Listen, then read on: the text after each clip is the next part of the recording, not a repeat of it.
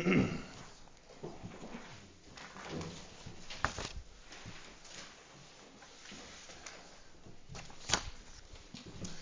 så Da er det bare å ønske velkommen igjen. Det er, og gledelig Herrens dag. Det er en fantastisk ting at Gud nå reiser opp en reformert kirke i Hamar. Det er et svar på manges bønner, det som nå skjer her. Vi som er samlet her i dag, vi er faktisk med på noe som er historisk viktig, og som Gud nå gjør i Norge. Og det er ikke bare for oss, men for våre barn og barnebarn etter oss. Ettersom Den reformerte kirke ikke har hatt noe fotfeste i Norge hittil, eh, så florerer det dessverre med veldig mye misforståelser og misoppfatninger av hva det er vi tror på, hva det er vi tenker om ting. Og i dag så skal jeg tale om en av de mer kontroversielle tingene som assosieres med reformert teologi, Eh, nemlig Guds forutbestemmelse og de helliges bevarelse. Og Temaet for prekenen er også Faderens gave til Sønnen, basert på Johannes 6. Temaet om utvelgelse og bevarelse vil naturligvis bringe med seg mange flere spørsmål. Og i én preken så får jeg dessverre ikke muligheten til å svare på alle motargumenter og alle spørsmål som dukker opp underveis. Men eh, jeg er tilgjengelig etterpå til samtale og kan svare på spørsmål. Hvis det er noen som følger med på nett, så send gjerne en mail hvis det er noe dere lurer på, eh, eller snakk med meg etterpå. Eh, det jeg skal gjøre i dag, blir primært å utlegge positivt fra Johannes 6 læren om utvelgelse og de helliges bevarelse. Først skal vi se litt på sammenhengen som versene står i. Ehm, deretter skal vi se på hva det vil si å være gitt av Faderen til Sønnen. Og deretter skal vi se hvordan Jesus aldri kan miste noen av de som Faderen har gitt ham. Og til slutt så skal jeg se litt på utvelgelse fra Guds perspektiv og fra menneskers perspektiv. Det jeg håper at dere kan sitte igjen med etter denne prekenen i dag, det er det at eh, disse lærerne, disse doktrinene, utvelgelse og de helliges bevarelse, det er ikke noe som bare kalvinister liker å diskutere og snakke om. Eh, eller krangle med arminianere om. Eh, det er faktisk et trygt håp som vi skal klynge oss til. Det er noe som er ment til å gi oss trøst og håp som Guds folk. Så utvelgelse og bevarelse det er ikke noe som vi som reformerte burde skamme oss over. Tvert imot. Eh, det er viktige sannheter i Guds ord som er ment til å gi trøst til Guds folk. Det er sannheter som skal gi Gud ære, og som skal gi oss frelsesvisshet og glede. Derfor er det viktig. I dag skal vi få sitte ned ved Mesterens føtter, og vi skal få høre hva Jesus selv har å si om utvelgelse og om de helliges bevarelse. Så da kan vi slå opp Hvis du har Bibel, så kan du se den. Hvis ikke, så kan du bare følge med. Um, da slår vi på Johannes 6, og så leser jeg fra vers 35 til vers 40. Johannes 6, vers 35 til vers 40. Jesus sa til dem, 'Jeg er livets brød. Den som kommer til meg, skal ikke hungre.' 'Den som tror på meg, skal aldri noen gang tørste.' Men jeg sa, til, jeg sa dere at dere har sett meg. Likevel tror dere ikke. Alle de som Faderen gir meg, kommer til meg. Og den som kommer til meg, vil jeg slett ikke støte ut. For jeg er kommet ned fra himmelen, ikke for å gjøre min vilje, men for å gjøre Hans vilje som har sendt meg. Og dette er Hans vilje som har sendt meg, at jeg ikke skal miste noe av alt det Han har gitt meg men reise det opp på den siste dag.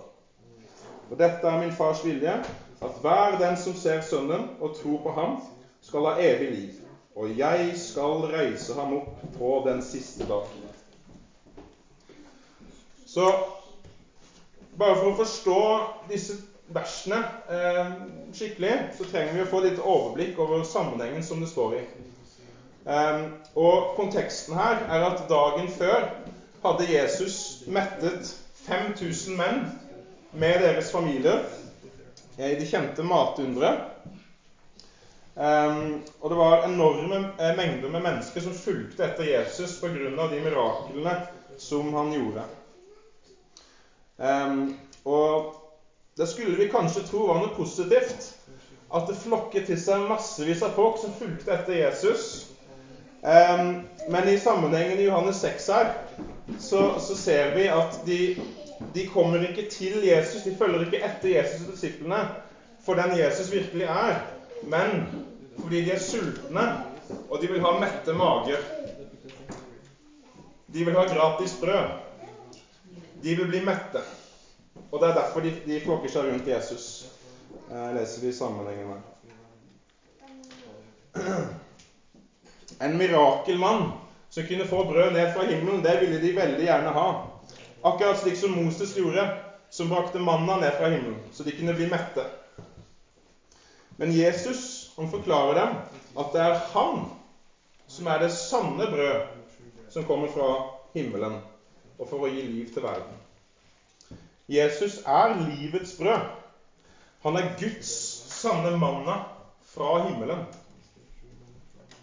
Jesus er den som kan mette sjelens dypeste tørst og sult. Og det er dette som er poenget med matynderet. Jesus fortsetter i resten av kapittel 6 å utbrodere poenget om at det er han som er livets brød. Hans kropp er sann mat. Hans blod er sann drikk, som gir evig liv, og ikke bare metter midlertidig. Den som kommer til Jesus, som er livets brød, skal aldri tørste eller sulte. Men mange av jødene var, var, ikke interessert i den sanne betydningen av matunderet. De ville bare ha mat. De ville ha brød. De var bare opptatt av det som mettet magen. Og responsen deres til Jesus, til sannhetene om hvem han virkelig er, og hva han virkelig hadde kommet for å gjøre Responsen til det det ser vi i vers 60 i Johannes kapittel 6. Og der sier de dette er harde ord. Hvem kan høre dem? Dette er harde ord. Dette kjenner vi kanskje igjen. Det er kanskje flere av dere som har eh, erfaringer med å prate med familie, med kolleger, med venner. Eh, og dere har kanskje pratet om Bibelens Jesus, den sanne Jesus, hvem han virkelig er, hva han virkelig kommer for å gjøre. Og så har responsen vært 'Dette er harde ord. Hvem kan høre på slikt?' Det burde ikke overraske oss. For vi vet at det naturlige og kjødelige mennesket tar ikke imot det som hører Gud, eh, det som hører Gud til. Bibelens Jesus, det vil man ikke ha noe av. Sannheten om ham er frastøtende. Man vil ha en Jesus skapt i sitt eget bilde. Det blir for hard tale, og de orker ikke å høre på det. Og Derfor ser vi i vers 66 at den store folkemengden sluttet å følge Jesus.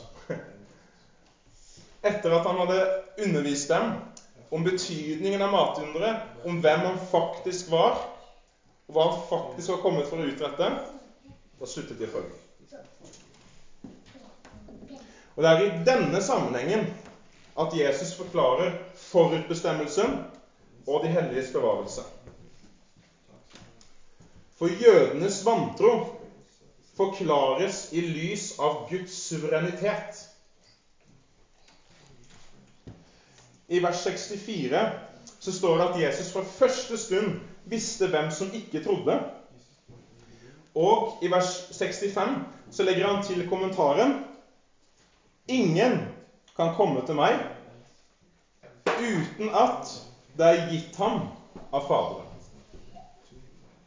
Ingen kan komme til meg uten at det er gitt ham av Faderen. Her får vi et edruelig møte med menneskets totale syndeforderv. Vi ser at folkemengden her er såpass trellbundet under synden at de verken vil eller kan ta imot det som hører Gud til. Og det selv om de hadde sett Jesus gjøre ufattelige mirakler. Det var ikke nok. Se sammen med meg igjen i vers 36. Men jeg sa dere at dere har sett meg, og likevel tror dere ikke. Jesus sier at de hadde sett ham. De hadde hørt hans guddommelige tale.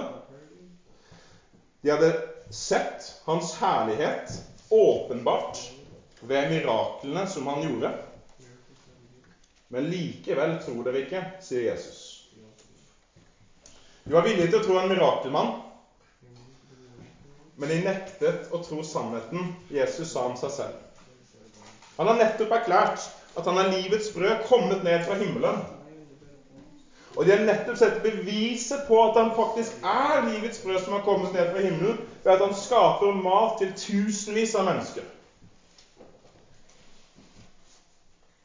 Ved dette utrolige matunderet så demonstrerer Jesus at det er han som er det endeløse lageret som for evig vil tilfredsstille alle dem som sulter og tørster. De som sulter og tørster etter sannhet og rettferdighet. De som sulter og tørster etter evig liv. Og Jesus innbyder alle sultne sjeler til å komme til ham. Men de vil ikke komme, og de vil ikke tro. Vi leser videre. Vers 37. Alle de som Faderen gir meg, kommer til meg. Og den som kommer til meg, vil jeg slett ikke støte ut. Støte ut. Alle de som Faderen gir meg.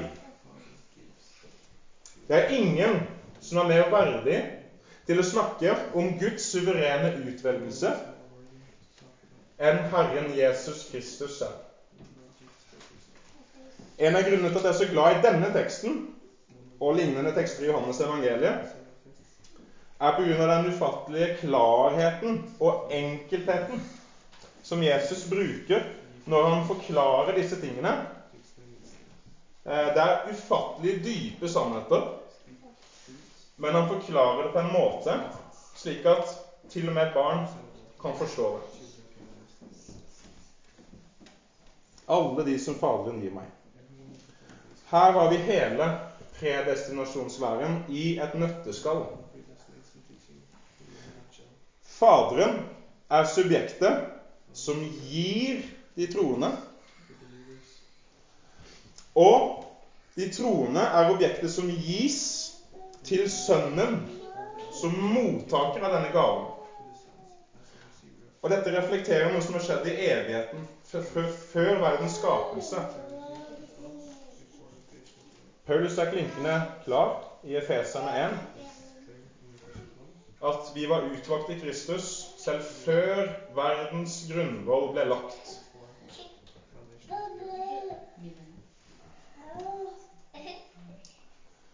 Sønnen er mottakeren av utvelgelsen.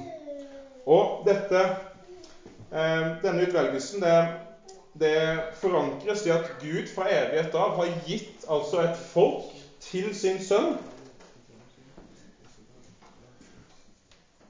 Og de som Gud har gitt til sin sønn, de vil komme, sier Jesus. Alle de som Faderen gir meg, kommer. Det er ikke noe 'kanskje de kommer', 'muligens de kommer', 'vi får se om de kommer'. Nei, de, de vil komme. Det er garantert. Det er forankret i Gud selv. Det er en sikker sak. Folkemengden i Johannes 6 var kjødelige og fulle av vantro. Men Jesus forsikrer oss her i disse versene om at de utvalgte vil komme. De utvalgte vil tro. De utvalgte vil stole på ham for frelse. De utvalgte vil velge Jesus i tid og rom fordi Gud på forhånd hadde utvalgt dem før verdens grunnvoll ble lagt. Og han utvalgte dem for å gi dem til sin sønn som mottakeren av dette nådevalget.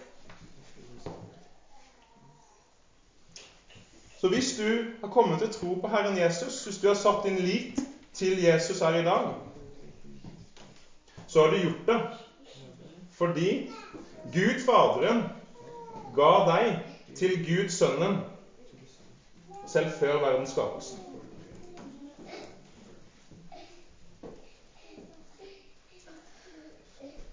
Men da kan vi kanskje spørre oss finnes det mennesker som kan i det hele tatt velge Jesus av seg selv.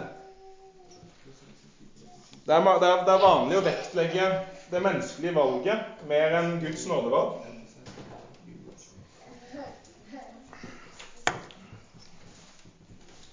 Men eh, i Johannes evangeliet så er det ganske tydelig for meg Hvis vi leser eh, Hvis du holder en, en finger på vers 36 Nei, beklager, vers 37. Og så ser over til vers 44. Så sier Jesus først i vers 37 Alle de som Faderen gir meg, kommer til meg. Og så sier han i vers 44 Ingen kan komme til meg uten at Faderen som har sendt meg, drar ham. Og Det var akkurat det vi så tidligere også, eh, at ingen kan komme uten at det er gitt ham av Faderen. Så her ser vi at det er ingen som vil komme. Det er ingen som har lyst til å komme uten at Gud på forhånd har gjort et verk i dem, og at han kaller dem til sin sønn. Og de som Gud kaller til sin sønn, er de som Gud har gitt til sin sønn.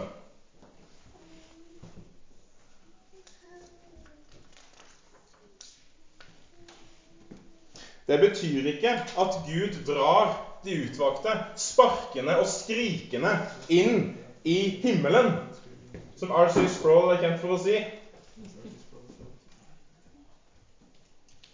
Nei, Gud virker i de utvalgte slik at de frivillig og med glede kommer til Herren Jesus Kristus.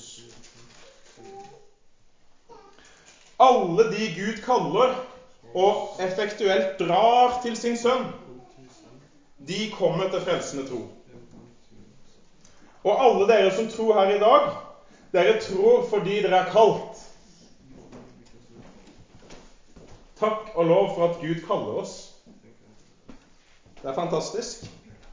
For uten at Gud kaller oss med sitt virksomme kall, sitt effektive kall, så er det ikke en eneste en av oss som søker Gud av oss selv. For de har alle bøyd av, sier Paulus i Romane 3. Alle sammen er de blitt fordervet. Det er ikke én eneste rettferdig. Det er ikke én som søker Gud. Åndelige, døde mennesker kan ikke gjenopplive seg selv. Lasarus kunne ikke stå opp ifra graven før Jesus, Guds sønn, hadde bydd han ut å komme og reist han opp fra de døde.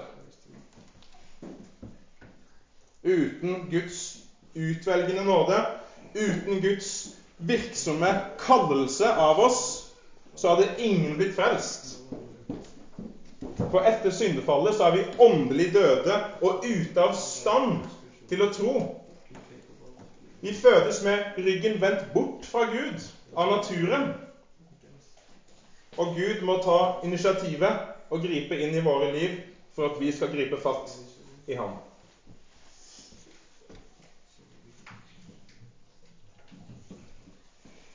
Alle de som Faderen gir meg, kommer til meg. Før vi går videre, så er det en viktig ting å observere om utvelgelsen. Jeg syns det er et viktig poeng, så prøv å følge nøye med. Veldig ofte så tenker vi på eh, oss selv som de primære mottakerne av Guds nådevalg. Gud har utvalgt oss. Jeg er utvalgt. Jeg har fått dette. Og det er ikke nødvendigvis feil.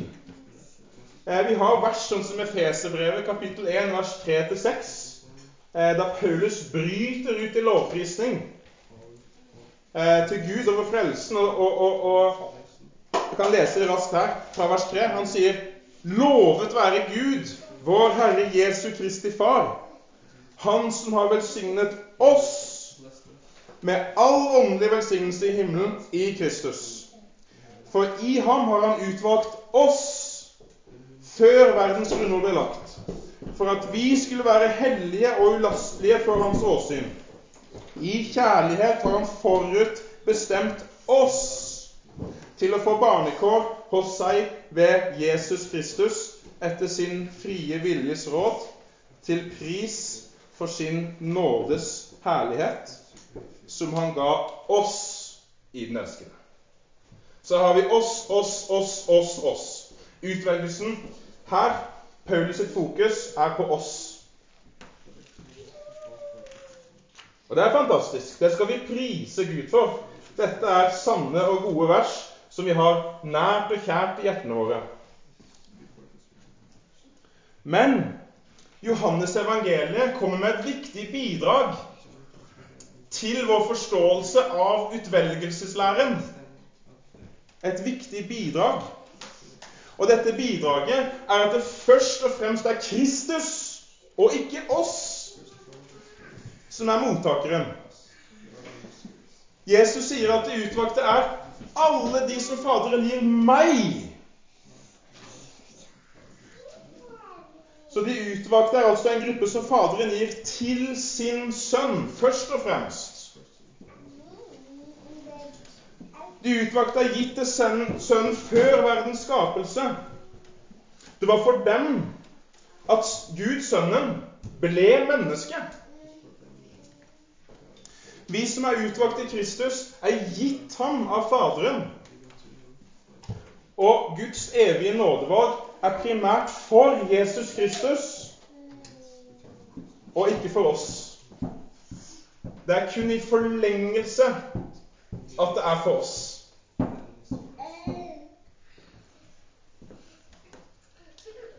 Kanskje noen av dere husker historien i eh, første Mosebok kapittel 24, der eh, Abraham eh, velger en, en brud til sin sønn Isak.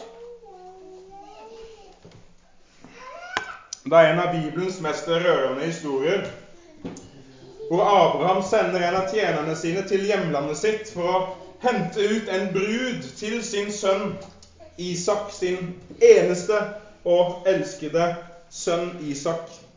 Det er historien om en far som søker ut en helt bestemt brud for sin sønn. Og dette reflekterer hvordan Gud har valgt en brud som han nå søker ut for sin elskede sønn.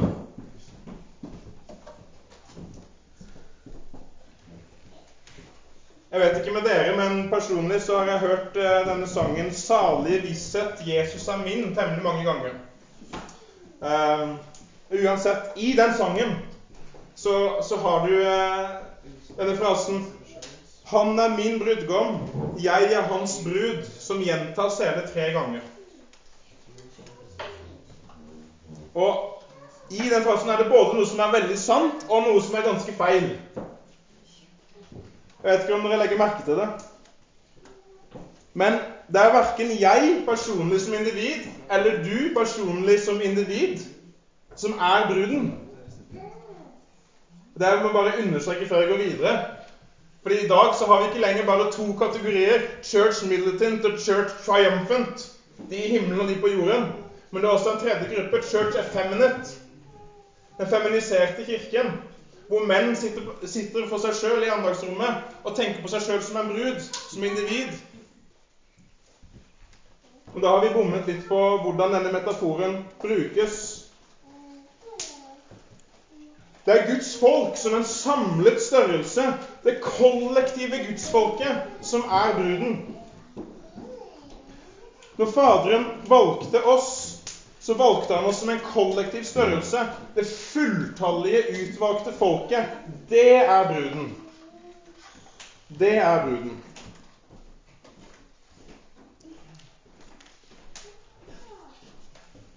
Så Faderen valgte en brud for sin sønn, akkurat som Abraham valgte en brud for sin sønn Isak.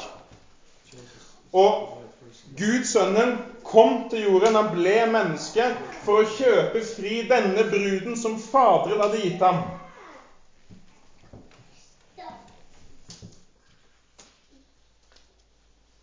Han elsket Kirken, står det i Efeserbrevet 5, og ga seg selv for den for å hellige den og rense den, slik at han kunne stille Kirken fremfor seg selv i herlighet, uten flekk og rynke, hellig og ulastelig.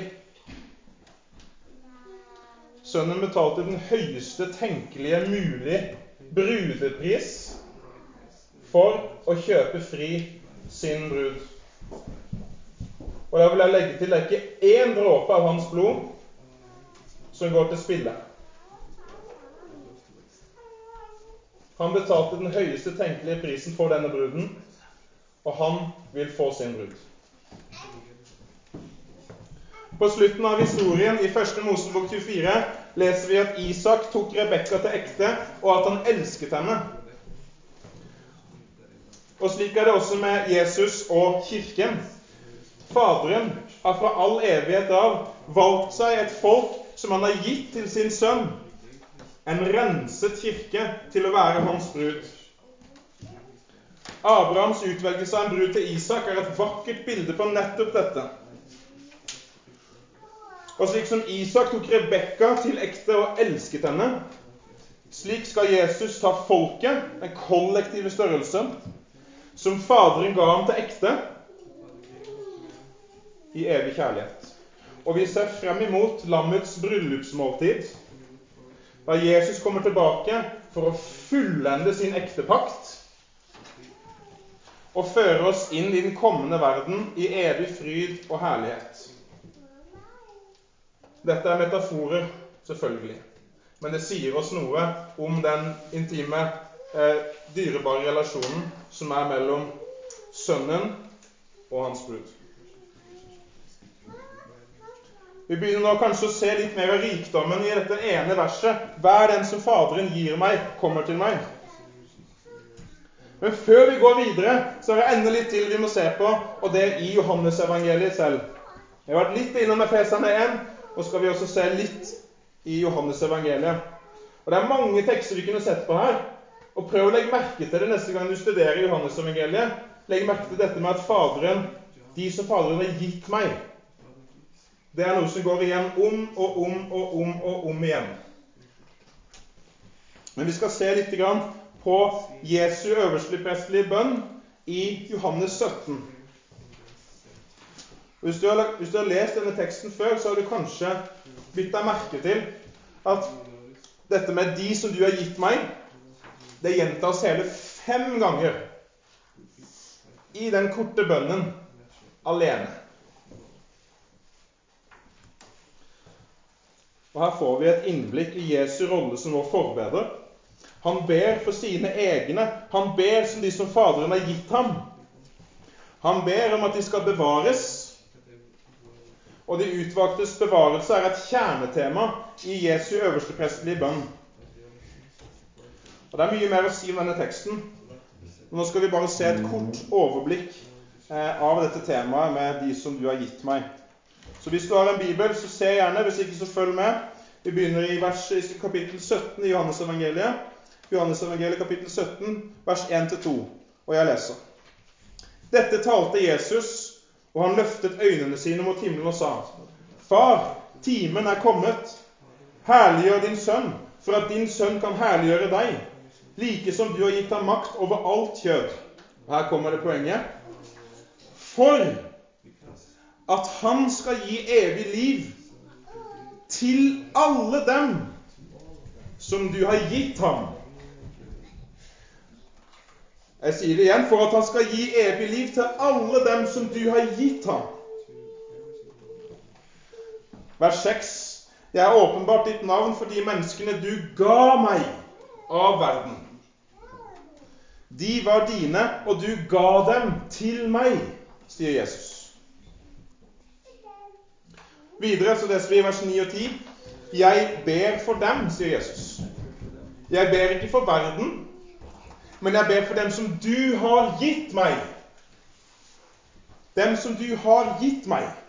For de er dine, og alt mitt er ditt, og ditt er mitt, og jeg er herliggjort i dem, altså de som Faderen har gitt meg. Vers 24, og dette blir siste verset. Skjønner det er mye. Vers 24. Far, jeg vil at de som du har gitt meg, skal være hos meg der jeg er, for at de skal se min herlighet som du har gitt meg, fordi du elsket meg før verdens grunnvoll ble lagt. Tenk på det, at når Jesus som øversteprest i himmelen, med ditt navn skrevet i sin brystplate, slik som Israels øversteprest hadde Israels tolv stammer skrevet på sin brystplate, så står Jesus foran Faderen og ber for deg, og nevner deg med navn, og sier 'Han og hun', de som du har gitt meg. Jeg vil at de skal være der jeg er, og at de skal se min herlighet. Når Jesus ber for deg, så ber han for det første om at du skal bevares. For det andre så ber han om at du skal være der han er, og at du skal se hans herlighet.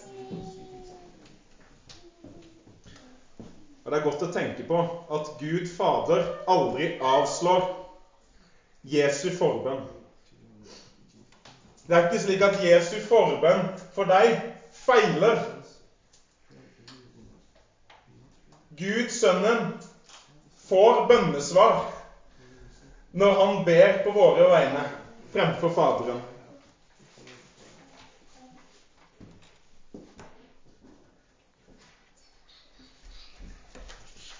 Det er fantastiske sannheter.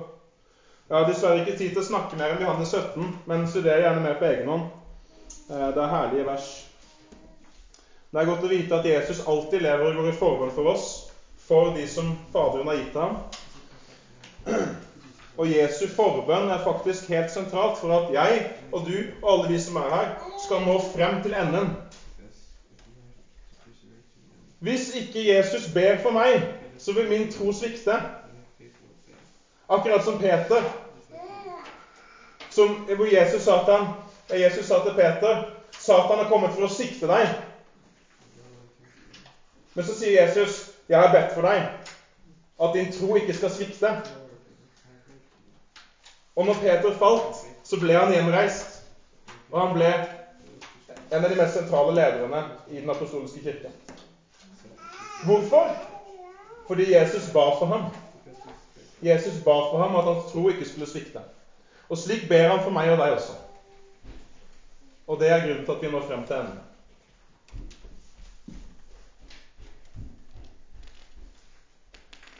Jeg liker veldig godt et vers i Hebreerne 7 kapittel, eh, kapittel 7, vers 25.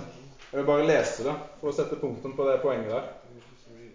Derfor kan han også fullkomment frelse dem som kommer til Gud ved ham, da han alltid lever for å gå i forbønn for dem.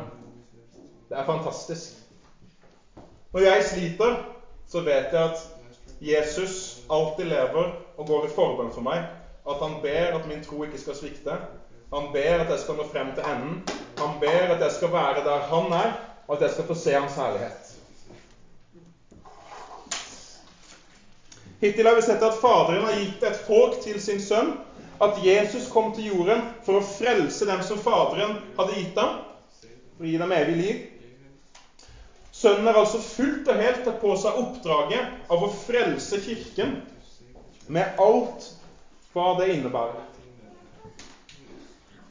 De utvalgte er en gave fra Faderen til Sønnen, som Sønnen kom for å kjøpe fri. Og det at Faderen har gitt deg til Sønnen, det, det det henger uatskillelig sammen med at vi ikke kan miste frelsen. Og Det her er veldig viktig. Det at det er Faderen som har gitt deg til Sønnen, henger uatskillelig sammen med at du ikke kan miste frelsen. En gave gitt fra Faderens allmektige hånd til Sønnens allmektige omsorg kan aldri mistes. Det er fantastisk. Og det er noe som skal gi oss trøst og håp og styrke til å leve ut det kristne livet. Martin Luther sa det godt, og jeg siterer Den som Gud gir nåde til å komme til Kristus, nyter et enormt privilegium som gjør at han kan juble og si Faderen har gitt meg til Kristus. Det er fantastisk å tenke over. Faderen har gitt meg til Kristus. Dette er implikasjoner for hvordan vi anser hverandre, hvordan vi ser på hverandre som kirke.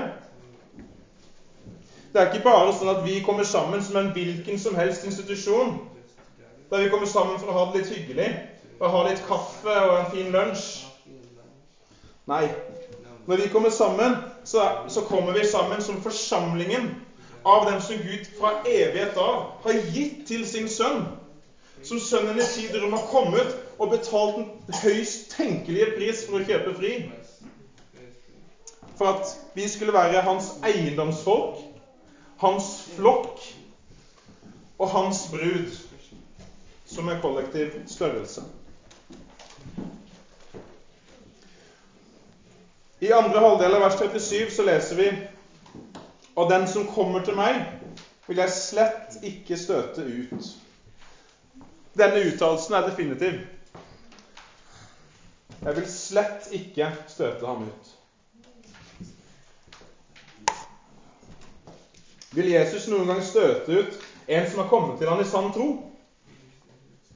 Slett ikke, står det i min oversettelse her. Slett ikke.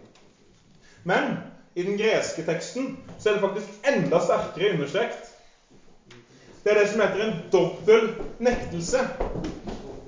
O mæ, står det på gresken dobbel nektelse. Det blir som om man skulle satt to tjukke streker under eh, det negative svaret. Så hvis vi skulle oversatt det litt sånn eh, plattfot, så hadde det kanskje blitt Aldri, nei, aldri vil jeg støte ham ut. Aldri, nei, aldri.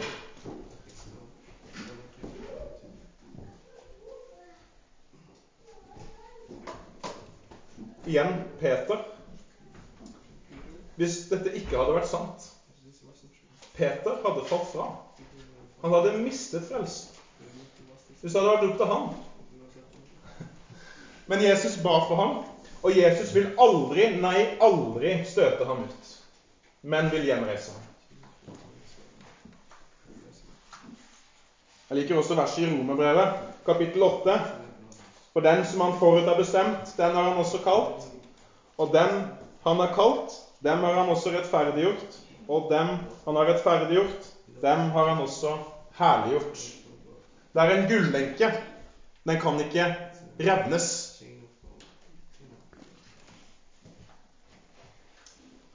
Hver den som kommer til meg, skal jeg aldri støte ut.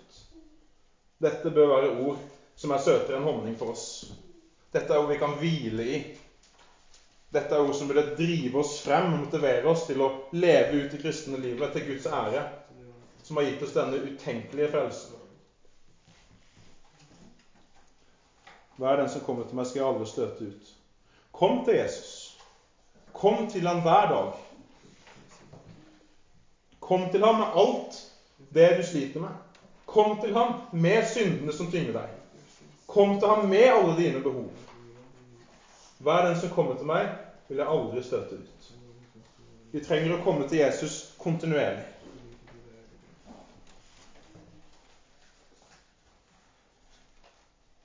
Der, jeg husker ikke nøyaktig. Det er en puritaner. Bare kom på det nå. Men det er et godt sitat som sier et eller annet sånn som at eh, Jesus eh, var mer villig til å gå til Golgata enn det vi er til å ta fremfor nådens trone i bønnen når vi sliter. Men vi burde være villige. Vi burde komme til ham. og aldri nøle med å komme til ham. Vi burde komme med enhver ting.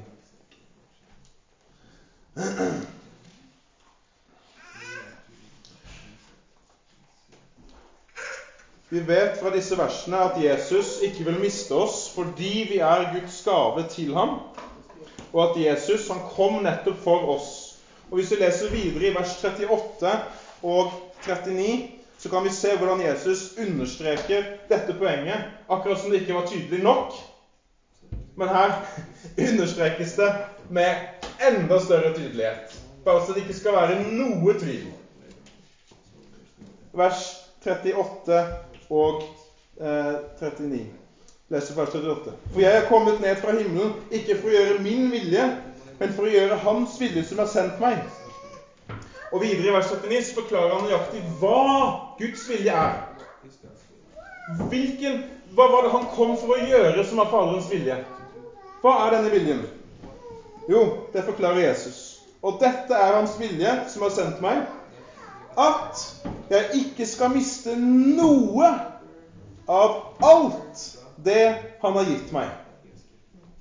Ok, er, er, det, er, det, er, det, rom for at det er noe av dette? Det er ikke et støvfnugg.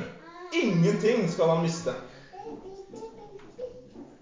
Hvis, hvis det er slik at Jesus mister så mye som det minste får fra sin flokk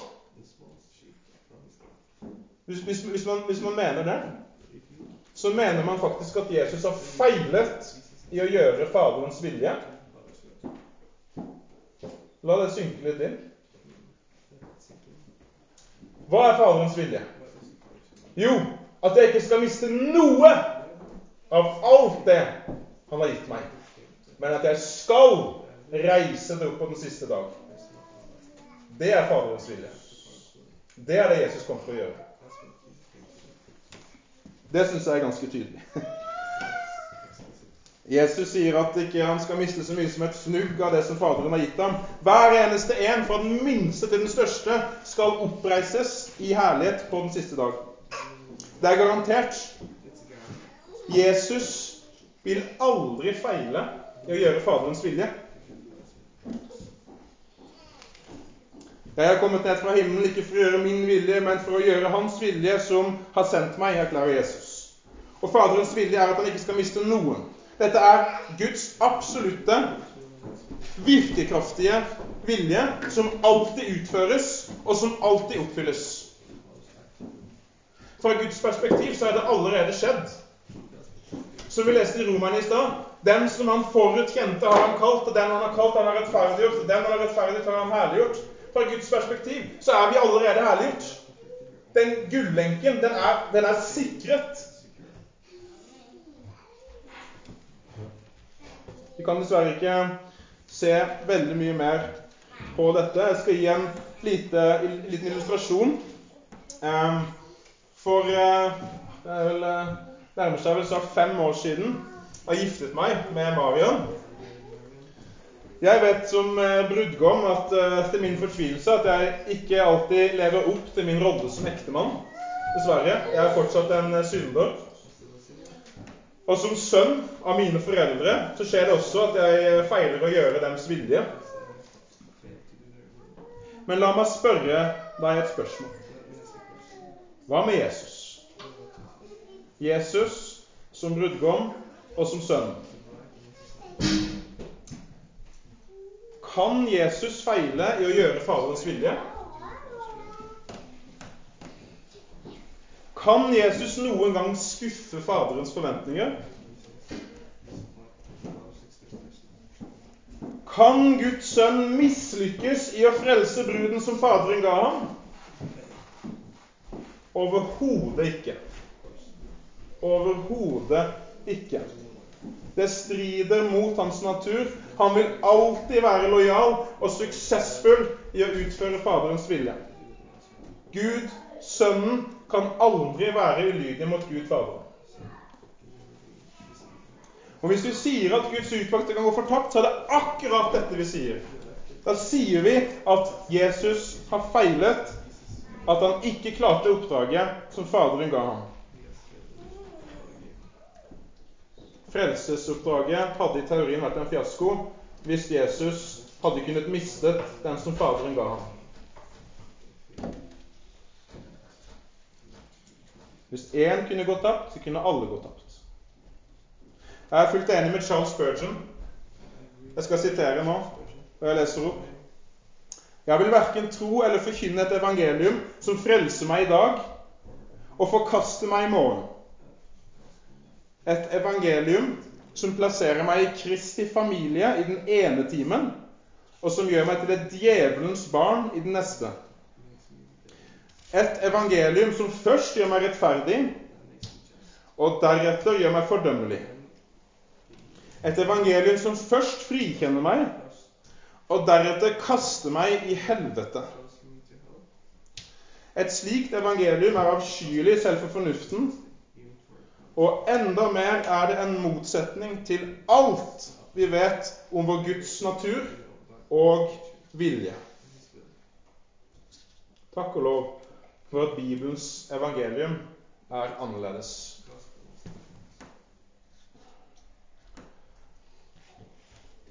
Dere er kanskje kjent med Johannes kapittel 10. Det er en kjent tekst. Mine får høre min røst. Jeg kjenner dem, og de følger meg. Og jeg gir dem evig liv. De skal aldri evig gå fortapt. Og ingen skal rive dem ut av min hånd. Min far, som har gitt meg den, er større enn alle, og ingen kan rive dem ut av min fars hånd. Det er evangeliet som vi kan holde fast i. Det er Guds løfte til deg. La det synke inn. Den samme Jesus som holder oppe universet med sin allmektige hånd, holder sin hånd om deg. Og det er ingen som kan rive deg ut av hans ånd eller av Faderens ånd. Og når mitt grep er skjørt og svakt om Jesus, og når ditt grep er svakt til å holde fast i ham, så er hans grep rundt deg sterkt og mektig, og han slipper aldri taket. Selv om vi er svake i å holde fast i vår frelser, så er vår frelser mektig til å holde fast i oss. Hvis det er én ting du skal ta med deg fra prekenen i dag, hvis du bare skal huske én eneste ting av prekenen Jeg skjønner at det er mye informasjon, så det er ikke naturlig å huske alt. Men, eh, men eh, husk, hvis du skal huske én ting, husk dette. Du, kjære troende, du er like trygg i din frelse som Jesus er trofast mot Faderens vilje. Du er like trygg i din frelse som Jesus er trofast mot Faderens vilje. For Jesus kom for å gjøre Faderens vilje.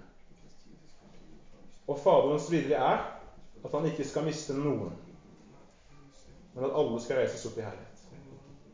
Uten at det mangler en eneste.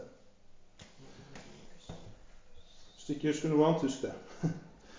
Jesus vil alltid fullføre Faderens vilje og bringe både deg og meg og hele forsamlingen av de utvalgte til evig herlighet. Han sier at han skal, ikke kanskje, han skal oppreise dem på den siste dag. Nå går vi mot avslutning. En lang preken. Beklager det. Siste, siste poengene her nå. Eh, dette med menneskers og Guds perspektiv. Det er mange som eh, har nevnt at de har eh, enten kjenner noen eller har gjort det sjøl, men at de har tvilt på er jeg virkelig utvalgt, er jeg strekker jeg til, kan jeg være en av de utvalgte. At det blir på en måte en, en fallgruve da, med denne læren. Hvordan kan vi vite at vi virkelig tilhører Jesus? at det virkelig har gitt ham av Faderen for evighet av. Fokuset blir fort feil i dette spørsmålet.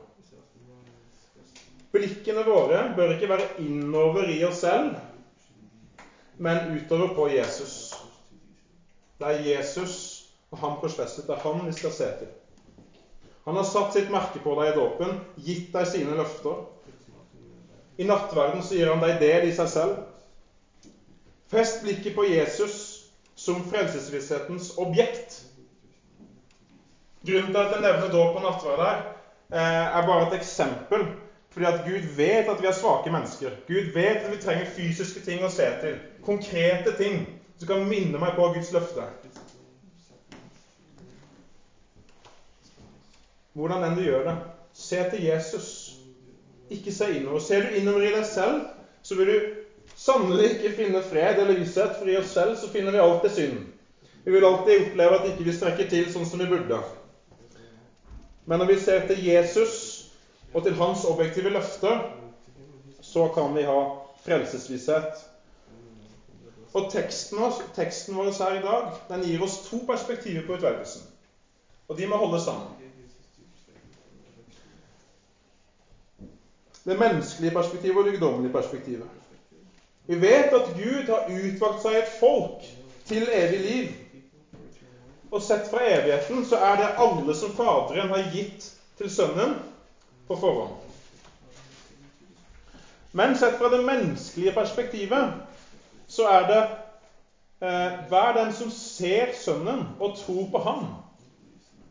Hvis du ser med meg, sammen med meg i vers 40 eh, så, så, så, så, sier Jesus For dette er min fars vilje, at hver den som ser Sønnen Da vil jeg ikke se innover, se til Sønnen.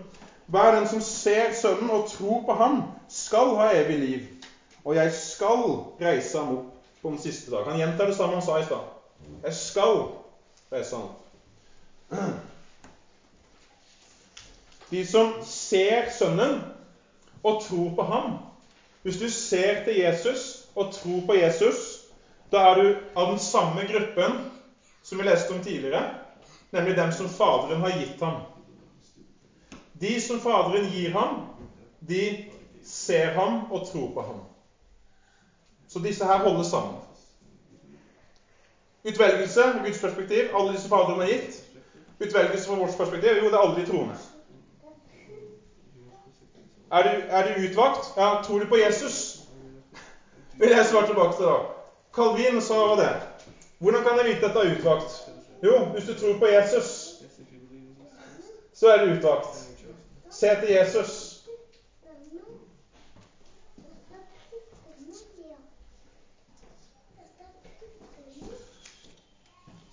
Dette er hans vilje som har sendt meg, sier Jesus, at hver den som ser Sønnen og tror på ham, skal ha evig liv. Så hvis du sitter her i dag, eller hvis du følger med på nett, og du er i tvil om du er utvalgt eller ikke Kanskje du føler at ikke du strekker til. Så vit at det er ingen av oss som strekker til. Vi nevnte apostelen Peter i stad. Et godt eksempel på å ikke strekke til.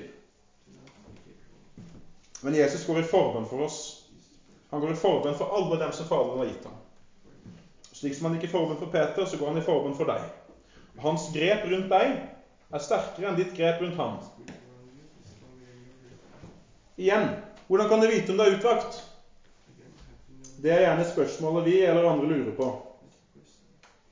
Og Da vil jeg at du skal forestille deg nå, eh, før vi avslutter helt der Siste illustrasjon. Forestill deg nå et stort kors som står foran hele menneskeheten. Og På det korset så står det innskrevet med evangeliets bokstaver dette er Hans vilje som har sendt meg. At hver den som tror, som ser Sønnen og tror på ham, skal ha evig liv. Dette korset er den eneste døren til tilgivelse, til oppstandelse og evig liv. Hvis du går gjennom denne døren, troende på Jesus, så kan du se deg tilbake på den andre siden og se inngravert dette er Faderens vilje som sendte meg, at jeg ikke skal miste noe av alt det Han har gitt meg. Så har du de to perspektivene sammen. Vi går gjennom den døren troende på Jesus, og så ser vi oss tilbake, og så ser vi, har vi vissheten om at Faderen har gitt meg til Sønnen. Og Sønnen skal ikke miste meg, for han kom for å gjøre Faderens vilje.